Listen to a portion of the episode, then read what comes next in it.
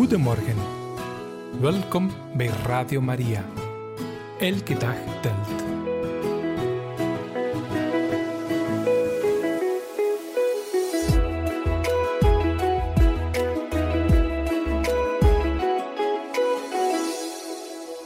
Een zeer goede ochtend gewenst, beste luisteraars van Radio Maria. Welkom op deze donderdag. Het is alweer donderdag en dat wil dus ook zeggen de laatste elke dag telt van deze week. En het is zo in schoolvakanties, ja, dan is er geen nieuwe uitzendingen van Elke Dag Telt. En dan bereiden we ons voor uiteraard op die volgende uitzendingen na de schoolvakanties. Maar, beste luisteraars, omwille van het feit dat het volgende week als woensdag is, dan zal u vanaf als woensdag opnieuw kunnen luisteren naar Elke Dag Telt. En dan gaan we samen met Monseigneur Koen van Houten stilstaan bij de start van de 40 dagen tijd. Het wordt een bijzondere aflevering. Wat gaan we vandaag allemaal, waar gaan we het vandaag allemaal over hebben? Wel, over het leven van de heilige Josephine Bakita, want het is haar feest vandaag. Ook het feest van de heilige Hieronymus Emiliani, als ik het juist heb. We gaan ook stilstaan bij de algemene audiëntie van Paus Franciscus gisteren. Ik weet niet als u het zelf een beetje heeft gevolgd, maar hij had het over verdriet en droefheid dat niet altijd goed is. En ik vond dat vrij vreemd klinken, dus ik ben even gaan opzoeken wat hij daarmee bedoelde. En daar gaan we het vandaag ook nog hebben, over hebben. En als we nog tijd hebben, beste luisteraars, dan staan we stil bij een brief van Johannes Paulus I aan Chesterton. Een bijzondere brief dat vandaag de dag nog zeker uh, van toepassing kan zijn. Maar eerst starten we graag met muziek. Dit is Sela met het loflied Alles wat adem heeft. Bye.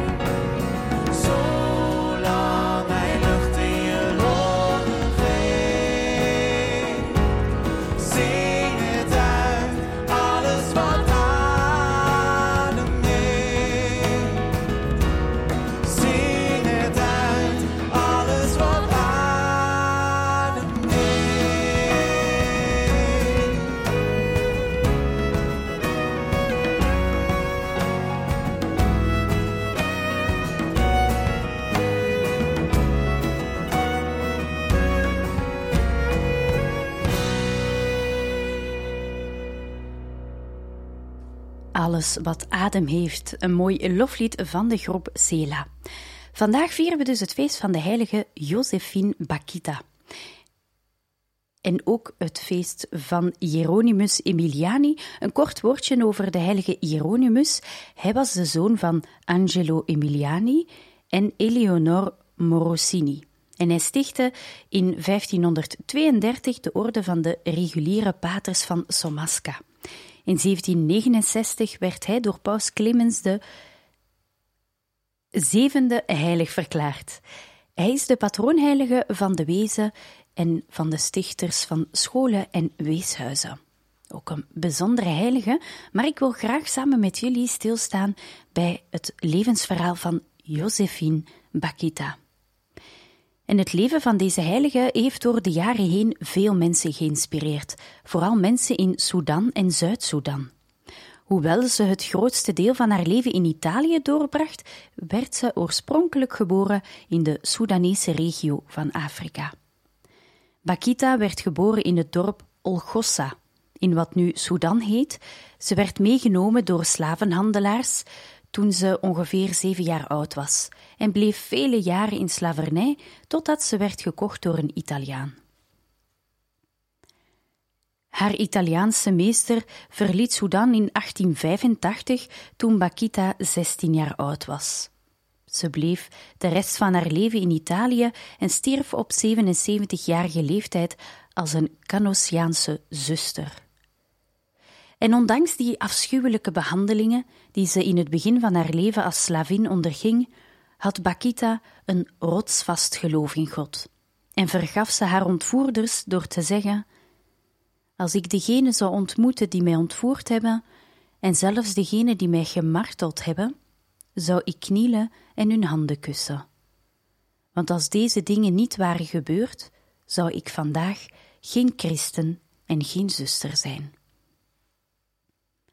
Bakita die stierf op 8 februari 1947 en werd zalig verklaard door Johannes Paulus II op 17 mei 1992 en heilig verklaard op 1 oktober 2000.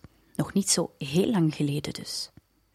En ze blijft de enige heilige uit Sudan die officieel heilig verklaard is door de katholieke kerk en wordt eigenlijk ook zo gezien als de beschermheilige van zowel Sudan als Zuid-Soedan. En het leven van Josephine Bakita is opmerkelijk en het bevat veel spirituele lessen die wij kunnen leren. Een daarvan is haar diepe vertrouwen in God, ondanks het feit dat ze in een uitzichtloze situatie leefde, als slaaf. En Johannes Paulus II wees op deze les uit haar leven in een toespraak tot pelgrims die bijeenkwamen voor de zaligverklaring van Josephine in 1992. En hij zei het volgende. Nu verheven tot de eer van de altaren en als voorbeeld gesteld voor de hele kerk, leert de zalige Josephine Bakita ons, in haar nederigheid en totale overgave aan God, niet alleen om te werken en te bidden, maar vooral om te vertrouwen. Door haar pijnlijke gebeurtenissen had ze, met de genade van God, geleerd om volledig op Hem te vertrouwen dat Hij altijd en overal aanwezig is en om daarom voortdurend goed en vrijgevig te zijn voor iedereen. En het was, beste luisteraars, die radicale vertrouwen in God dat haar geloof levend hield en haar motiveerde om het evangelie te aanvaarden en zich uiteindelijk te laten dopen. En in plaats van een wantrouwen in God te hebben, gezien de afschuwelijke situaties die ze meemaakte, onderwierp ze zich volledig aan God en was ze zelfs bereid om haar ontvoerders te vergeven, zoals we daar juist al hebben voorgelezen. En Johannes Paulus II zei nog het volgende: Altijd blij en sereen vervulde ze met vreugde haar plicht en aanvaarde uiteindelijk haar lange en pijnlijke ziekte met moed en berusting, nooit klagend en nooit kwaadsprekend over iemand. Ze zei: als ik de slavendrijvers zou ontmoeten die mij ontvoerd hebben, en ook degenen die mij gemarteld hebben, zou ik knielen en hun handen kussen. Want als dat niet gebeurd was, zou ik nu geen christen en geen religieuze zijn. En de heilige Josephine Bakita, die we dan vandaag dus vieren, was in staat om haar leven door de lens van God te zien en erkende hoe hij bij haar was in haar donkerste momenten en deze vreselijke dingen toeliet voor zijn grotere glorie. En ze leert ons dat we, in welke situatie we ons ook bevinden, beste luisteraars, gewoon volledig op God moeten vertrouwen, wetende dat Hij er een grotere goed uit zal voorbrengen.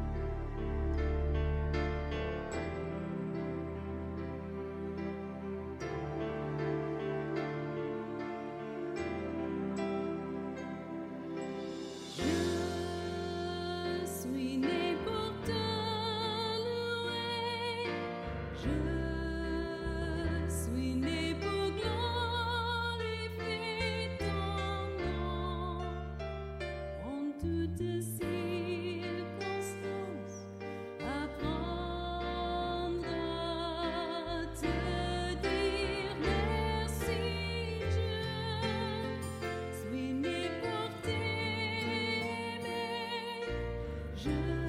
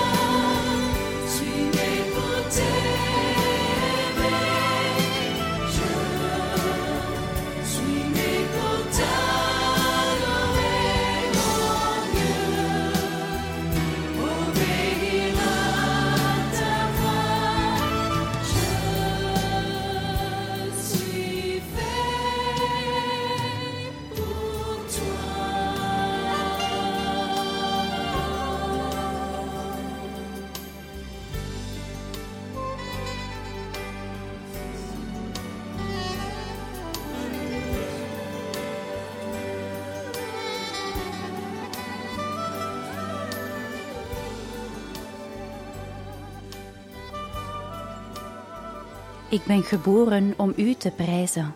Ik ben geboren om Uw naam te verheerlijken. In alle omstandigheden leer ik om U dank te zeggen. En nog even over de heilige Josephine Bakita, beste luisteraars. Bakita begreep uit eerste hand de verschrikkingen van slavernij en blijft een krachtige voorspreekster voor hedendaagse slachtoffers. Hoewel slavernij op de meeste plaatsen al meer dan 100 jaar illegaal is, bestaat het vandaag de dag nog steeds. Hoewel over het algemeen onder de radar. Mensen over de hele wereld worden nog steeds behandeld als objecten die tegen betaling gekocht en verkocht kunnen worden. Het is een grote misdaad tegen de menselijkheid, iets wat de heilige Josephine Bakita aan de lijve heeft ondervonden. En de Bisschoppenconferentie van Amerika, beste luisteraars, wel, die hebben een gebed geschreven en verspreid ter ere van de heilige Josephine Bakita, waarin om haar voorspraak wordt gevraagd voor de genezing van hedendaagse slachtoffers. En ik stel voor, beste luisteraars, dat we dat gebed samen bidden en straks gaat u dat gebed ook kunnen terugvinden op onze website. Heilige Josephine Bakita, je werd als kind verkocht als slaaf en doorstond onnoemelijk veel ontberingen en lijden. Eenmaal bevrijd van je fysieke slavernij, vond je ware verlossing in je ontmoeting met Christus en zijn kerk. O heilige Bakita, sta allen bij die gevangen zitten in een staat van slavernij. Bid voor hen, wees een voorspreekster voor hen bij God, zodat zij bevrijd zullen worden uit hun ketenen van gevangenschap. Laat God degene bevrijden die de mens tot slaven maakt. Geef troost aan de overlevenden van slavernij. En laat hen naar jou kijken als een voorbeeld van hoop en geloof. Help alle overlevenden om genezing te vinden voor hun wonden. Wij vragen om uw gebeden en voorbeden voor de slaven onder ons. Amen.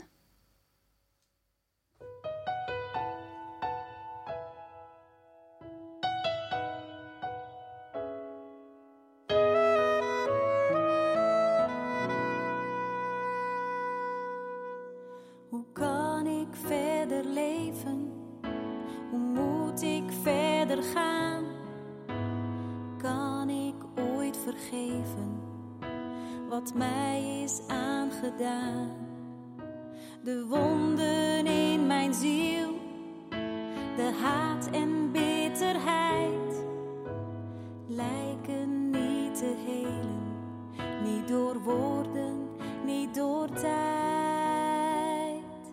Maar als er vergeving is, kan er genezing zijn. Van de pijn het verdriet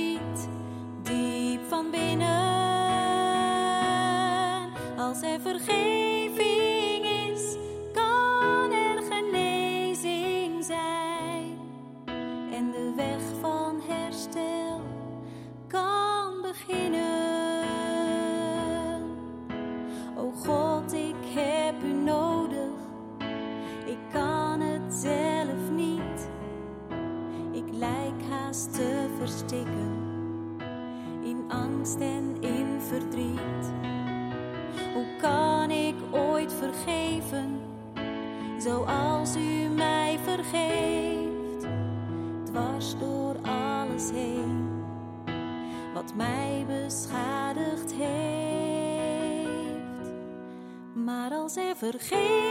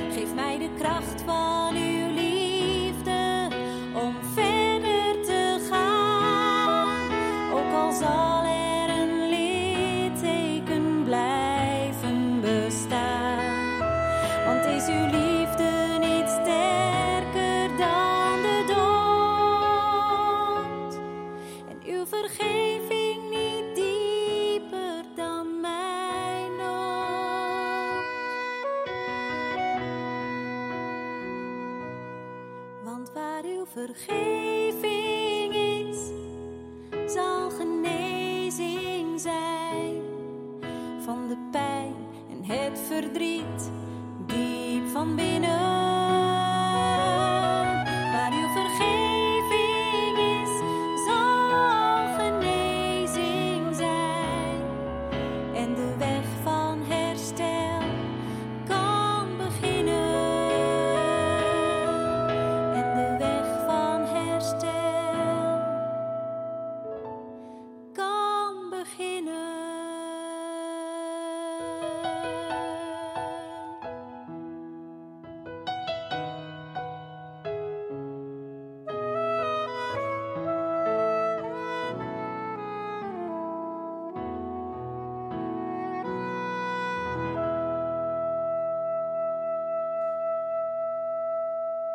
Als er vergeving is, een lied van Marcel en Lydia Zimmer.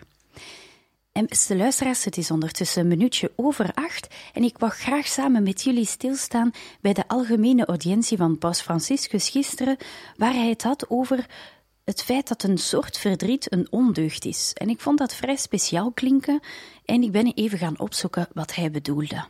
En graag wil ik dat met jullie delen. Verdriet en droefheid lijken misschien gewoon een deel van het leven, een normale menselijke emotie. Maar er is een ander soort verdriet dat eigenlijk een ondeugd is. En dit was de uitleg die Paus Franciscus gaf gisteren op 7 februari, toen hij zijn algemene audiënties verder deed met de catechese-serie over deugden en ondeugden. En hij zei het volgende: Er is een nogal lelijke ondeugd, verdriet, verdriet, begrepen als een moedeloosheid van de ziel, een constante kwelling die de mens verhindert om vreugde te voelen over zijn eigen bestaan, legde de paus uit. Dit tweede soort verdriet sluipt de ziel binnen en brengt haar in een staat van moedeloosheid. Het komt van de duivel. En de Heilige Vader maakte onderscheid tussen het goede verdriet, bijvoorbeeld gevoeld door de verloren zoon toen hij zijn zonde herkende, en het verdriet dat ondeugd is, gemanifesteerd door de discipelen op de weg naar Emmaus, met hun moedeloze antwoord aan Jezus: We hadden gehoopt. En dit verdriet is als het genot van niet-genot. Het is als het nemen van een bitter, bitter, bitter snoepje zonder suiker onaangenaam en op dat snoepje zuigen. Verdriet is plezier beleven aan niet-plezier, waarschuwde de paus. Verdriet van een natuurlijke emotie kan veranderen in een kwade geestestoestand, zei hij. En deze geestestoestand houdt er op de een of andere manier van om zichzelf in eindeloze droefheid te sussen. Het is een sluwe demon, die van het verdriet. De woestijnvaders beschreven het als een worm van het hart, die zijn gastheer uitholt en uitholt. En dat is een goed beeld, zegt Paus Franciscus, een worm in het hart die zijn gastheer, gastheer verteert en uitholt. En die ondeugdelijke verdriet brengt ons ertoe om ons te wentelen in melancholie, waardoor in hun hart gaat woekeren. Bepaalde langdurige droefheid, waarbij iemand de leegte van iemand die er niet meer is blijft uitbreiden, horen niet bij het leven in de geest. Bepaalde wrokkige bitterheden, waarbij iemand altijd een claim in gedachten heeft, waardoor hij de gedaante van het slachtoffer aanneemt, brengen geen gezond verstand in ons voort. Laat staan een christelijk leven. En in tegenstelling tot deze wenteltoestand moeten we ons blijven richten op Jezus, die ons de vreugde van de verrijzenis brengt, zei de paus. Hoe vol het leven ook kan zijn van tegenstrijdigheden, van verslagen verlangens, van niet gerealiseerde dromen, van verloren vriendschappen, dankzij Jezus' verrijzenis kunnen we geloven dat alles gered zal worden. Hoewel het waar is dat het leven veel moeilijke momenten kent, stond Jezus niet alleen voor zichzelf op, maar ook voor ons, om al het geluk te verlossen dat in ons leven onvervuld is gebleven, zei de paus. Geloof drijft angst uit en de verrijzenis van Christus verwijdert verdriet zoals de steen uit het graf. En de paus zinspeelde op de inspanning die deze vreugde met zich mee zou kunnen brengen, door op te merken: de dag van elke christen is een oefening in opstanding. En hij zei nog: Mogen de geest van de vrezen Heer ons helpen om verdriet te overwinnen met heiligheid. En dan in zijn commentaar aan verschillende taalgroepen ging hij dieper in op het belang van de Heilige Geest, want hij zei: In de strijd tegen verdriet wenden we ons vol vertrouwen tot de Heilige Geest, die de volmaakte trooster is. Hij bevrijdt ons van eenzaamheid door ons hart te doordrenken met de liefde van God, die ons in staat stelt om op onze beurt de bedroefde en behoeftigen te troosten. En ons geloof biedt bescherming, voegde hij eraan toe. Zij die in God geloven, laten zich niet verstikken door huilen, wat de reden ook is. Maar hij overwint het door de kracht van de Heilige Geest en verandert het in een nieuw leven. En dat, beste luisteraars, waren de woorden van Paus Franciscus gisteren tijdens de generale audiëntie toen hij het had over het feit dat er een soort verdriet een ondeugd is. En als je zijn uitleg leest, beste luisteraars, dan begrijp je zeker wat hij bedoelt.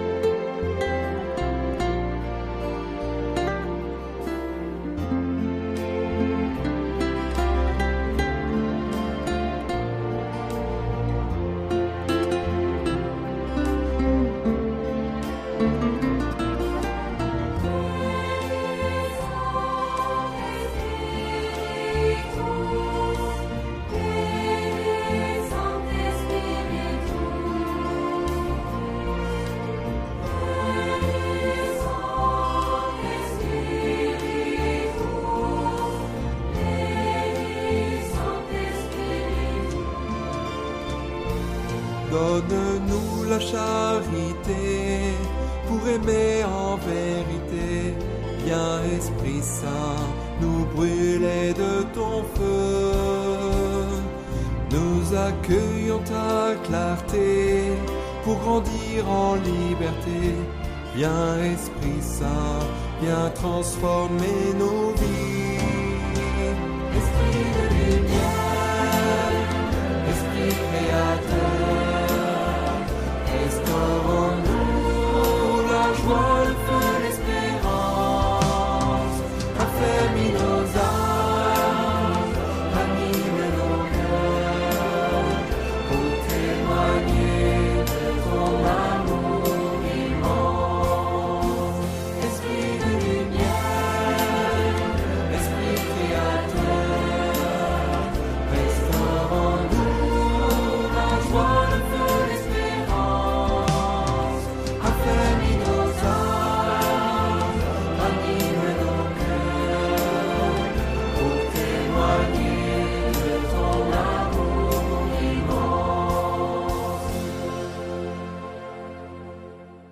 Esprit de Lumière, Esprit Createur, een lied tot de Heilige Geest van de Emmanuel-gemeenschap.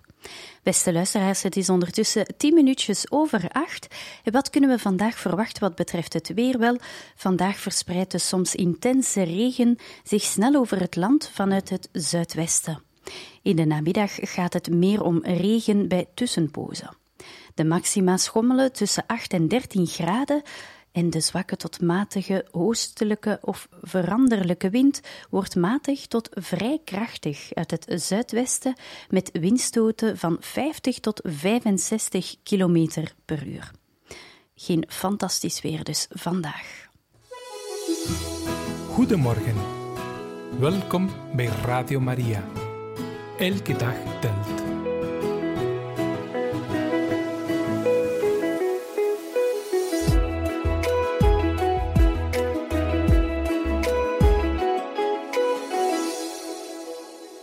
Welkom terug, beste luisteraars. We gaan het nog hebben over een brief van Johannes Paulus I aan Chesterton. Tussen 1971 en 1975 schreef de aartsbisschop een serie brieven, bekend als Illustrimi, die werden gepubliceerd in de katholieke krant Messaggero di San Antonio. Er waren in totaal 40 brieven, elk geschreven aan een historisch figuur, heilige of schrijver. En een van die brieven is gericht aan Chesterton. U weet het, we hebben in het verleden in het programma Elke Dag Telt ook andere brieven reeds voorgelezen. En vandaag gaan we het hebben dus over die brief aan Chesterton.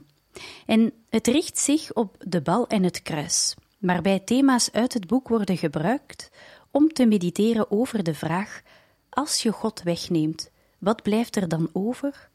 Wat wordt de mensheid dan? En de toekomstige paus, want die brieven schreef hij toen hij nog kardinaal was, is het eens met Chesterton. Als we Christus en het kruis verliezen, of het kruis opzettelijk breken of afwijzen, dan versplintert ook de aarde. Door God te verlaten, verliezen we alles wat ons menselijk maakt, al onze vreugde en creativiteit en geluk. En dan stel ik voor, beste luisteraars, dat we gewoon die brief volledig voorlezen. Aan Gilbert Keith Chesterton. Gilbert Chesterton, een Engels schrijver, die leefde van 1874 tot 1936, bekeerde zich in 1922 tot de katholieke kerk. Hij schreef vele romantische werken en was een briljant polemist. Zijn ideaal was een samenleving zonder sociale tegenstellingen, steunend op het gezond verstand, godsdienst en humor. Enkele van zijn werken zijn Orthodoxie, De Bol en het Kruis, Verhalen van Father Brown en De man die donderdag was.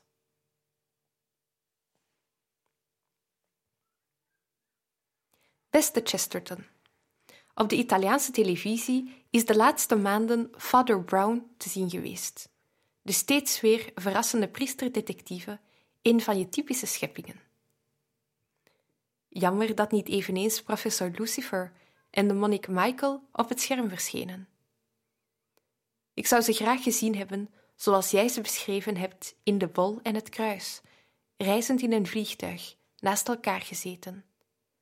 Vasten naast carnaval. Als het vliegtuig boven de kathedraal van Londen is, stoot de professor een godslastering uit in de richting van het kruis. De monnik zegt hem: Ik denk dat die godslastering u goed gedaan heeft. Luister eens, ik heb een man gekend, net als u. Hij haatte ook het kruis. Hij had het verwijderd uit zijn huis, van de hals van zijn vrouw, zelfs van de schilderijen. Hij vond het lelijk, een symbool van barbaarsheid, vijand van alle vreugde en leven. Zijn woede werd steeds groter. Op een dag klom hij boven op de kerktoren, rukte het kruis eraf en gooide het van boven naar beneden. Die haat groeide op den duur aan tot delirium en tenslotte tot razende krankzinnigheid. Op een zomeravond was hij stil blijven staan bij een hekwerk dat zich voor een grote lengte langs de hellende straat voortzette. Hij rookte een pijp, er brandde geen licht en geen blaadje bewoog. Maar in Smans verbeelding veranderde het lange hek in een heel leger van kruisen, die, het een na het ander, langs de straat stonden opgesteld.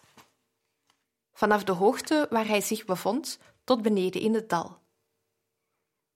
En zwaaiend met zijn wandelstok stormde hij toen op de heining los, als tegen een schare van vijanden, zolang als het hek was. Rukte, brak en trok hij alle palen die hij tegenkwam uit de grond. Hij haatte het kruis, en in elke paal van het hekwerk zag hij een kruis. Thuisgekomen zag hij nog steeds overal kruisen. Hij sloeg de meubels kort en klein en stak de zaak in brand. De volgende morgen vonden ze zijn lijk in de rivier. Op dat ogenblik keek professor Lucifer de oude monnik aan, beet zich op de lippen en zei: Dat verhaal heb je verzonnen. Michael antwoordde: Ja, dat heb ik verzonnen, maar het heeft heel goed weer wat jij en je ongelovige broeders aan het doen zijn. Je begint met het stuk slaan van het kruis en je zult eindigen met het ten gronde richten van heel de bewoonbare wereld. Het antwoord van de monnik, dus dat van jou, beste Chesterton, is zeer juist. Neem God weg en wat wordt er van de mensen? Wat maken we dan van de wereld waarin we moeten leven? Maar hoor ik zeggen, dit is toch de wereld van de vooruitgang, van de welvaart? Jawel, maar die veelgeprezen welvaart is niet alles wat men ervan verwachtte. Hij brengt ook de raketten mee, de bacteriologische en atoomwapens, de huidige milieuvervuiling. Allemaal dingen die de hele mensheid ten onder dreigen te voeren, als niet bij tijds maatregelen worden genomen. Met andere woorden, vooruitgang onder mensen die elkaar liefhebben, die elkaar beschouwen als broeders en als kinderen van de ene God, ja, dat is iets prachtigs. Vooruitgang onder mensen die God niet erkennen als de enige Vader vormt een aanhoudend gevaar. Als met die voorwaartse ontwikkeling niet tevens het zedelijk, innerlijk en persoonlijk leven zich ontwikkelt, dan bevordert zij slechts de groei van de meest barbaarse instincten van de mens. Maakt zij van hem een machine die bezeten is van machines. Een nummer dat nummers manipuleert. Een barbaar in delirium, om met Giovanni Papini te spreken. Die in plaats van een knots de immense krachten van natuur en techniek ter beschikking geeft om zijn roofzuchtige, verwoestende en fanatische instincten bot te vieren. Ik weet het, veel mensen denken juist andersom als jij en ik, Chesterton. Ze denken dat godsdienst slechts een droom ter vertroosting is, een bedenksel van de onderdrukten, die zich buiten deze wereld een andere, niet bestaande fantaseerden, waar hun later ten deel zal vallen wat de onderdrukkers hun hier onthouden. En de onderdrukkers zouden de godsdienst helemaal in hun eigen voordeel georganiseerd hebben om de onderdrukten stevig onder de knoet te houden en om hun klassebewustzijn in slaap te sussen, dat hen zonder de godsdienst tot de opstand zou drijven. We behoeven er wel niet aan te herinneren dat het juist de christelijke godsdienst is geweest die het ontwaken van het proletarisch bewustzijn bevorderde, doordat de armen er in ere stonden en er een toekomstig oordeel van gerechtigheid verkondigd werd. Ja, antwoordt men hierop, maar datzelfde christendom, dat het bewustzijn van de armen wakker schudde, heeft daarna dit bewustzijn verlamd door geduld te prediken, en in plaats van klassenstrijd het vertrouwen op God en geleidelijke hervorming van de maatschappij aan te bevelen. Velen denken ook dat God en de godsdienst de mens vervreemden, doordat ze zijn hoop en inspanningen richten op een toekomstig en veraf paradijs, en hem zo ervan afleiden zich in te zetten voor een nabij paradijs, dat gerealiseerd moet worden op deze aarde. Ook mogen bekend verondersteld worden dat volgens het laatste concilie een christen, juist omdat hij christen is, meer dan ooit moet beseffen hoezeer hij de opdracht heeft zich in te zetten voor een vooruitgang ten gunste van allen en voor sociale rechtvaardigheid voor allen. Maar niettemin, zo zegt men daarop, blijven jullie denken aan een vooruitgang van een voorbijgaande wereld, in afwachting van een definitief paradijs dat nooit komen zal. Maar wij willen een paradijs hier als het resultaat van onze strijd. Wij zien het ontstaan daarvan reeds, terwijl jullie God door de theologen van de secularisatie doodgenoemd wordt. Wij houden het op Heine, die schreef: Hoor je de bel? Op de knieën. Ze gaan de laatste sacramenten toedienen aan God die op sterven ligt. Beste Chesterton, jij en ik knielen, maar voor een God die thans voor het mensenleven zo belangrijk is als maar ooit. Hij alleen kan een bevredigend antwoord geven op de drie vragen die voor iedere mens zo voornaam zijn. Wie ben ik? Waar kom ik vandaan? En waar ga ik heen? Wat betreft een paradijs dat komen zal op aarde en enkel op aarde, en in de nabije toekomst als resultaat van die fameuze klassenstrijd en andere conflictmodellen, zou ik willen dat er geluisterd werd naar iemand die meer gezag geniet dan ik, en zonder je verdiensten te willen verkleinen. Ook meer gezag dan jij, namelijk Dostoevsky. Je herinnert je wel Ivan Karamazov uit de boeken van Dostoevsky. Hij is atheïst, ja, een vriend van de duivel. Welnu, hij protesteert met al zijn atheïstische felheid tegen een paradijs dat verworven wordt dankzij veel zwoegen en vermoeienis, lijden en martelaarschap van ontelbare generaties. De nakomelingen dus, gelukkig, dankzij het ongeluk van uw voorouders. Voorouders die strijden zonder hun deel te krijgen van het geluk, dikwijls zonder de troost dat ze het ochtendgloren van het paradijs zien dat opkomt uit de hel die zij doormaken. Grote menigten van gewonden en opgeofferden die slechts de teelaarde zijn, dienend om toekomstige bomen van het leven te doen groeien. Zoiets is onmogelijk, zegt Ivan.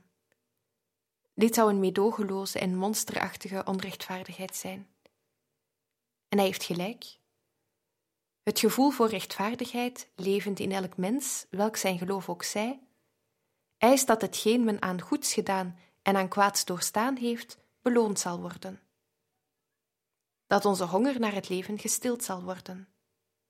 Maar waar en hoe, indien niet in een ander leven? En door wie, indien niet door God?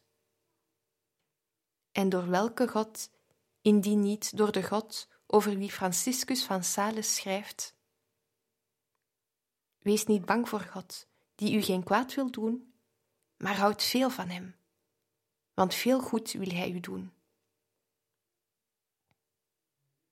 De God die door vele mensen bestreden wordt, is niet de ware God zelf, maar de verkeerde voorstelling die men zich van Hem maakt.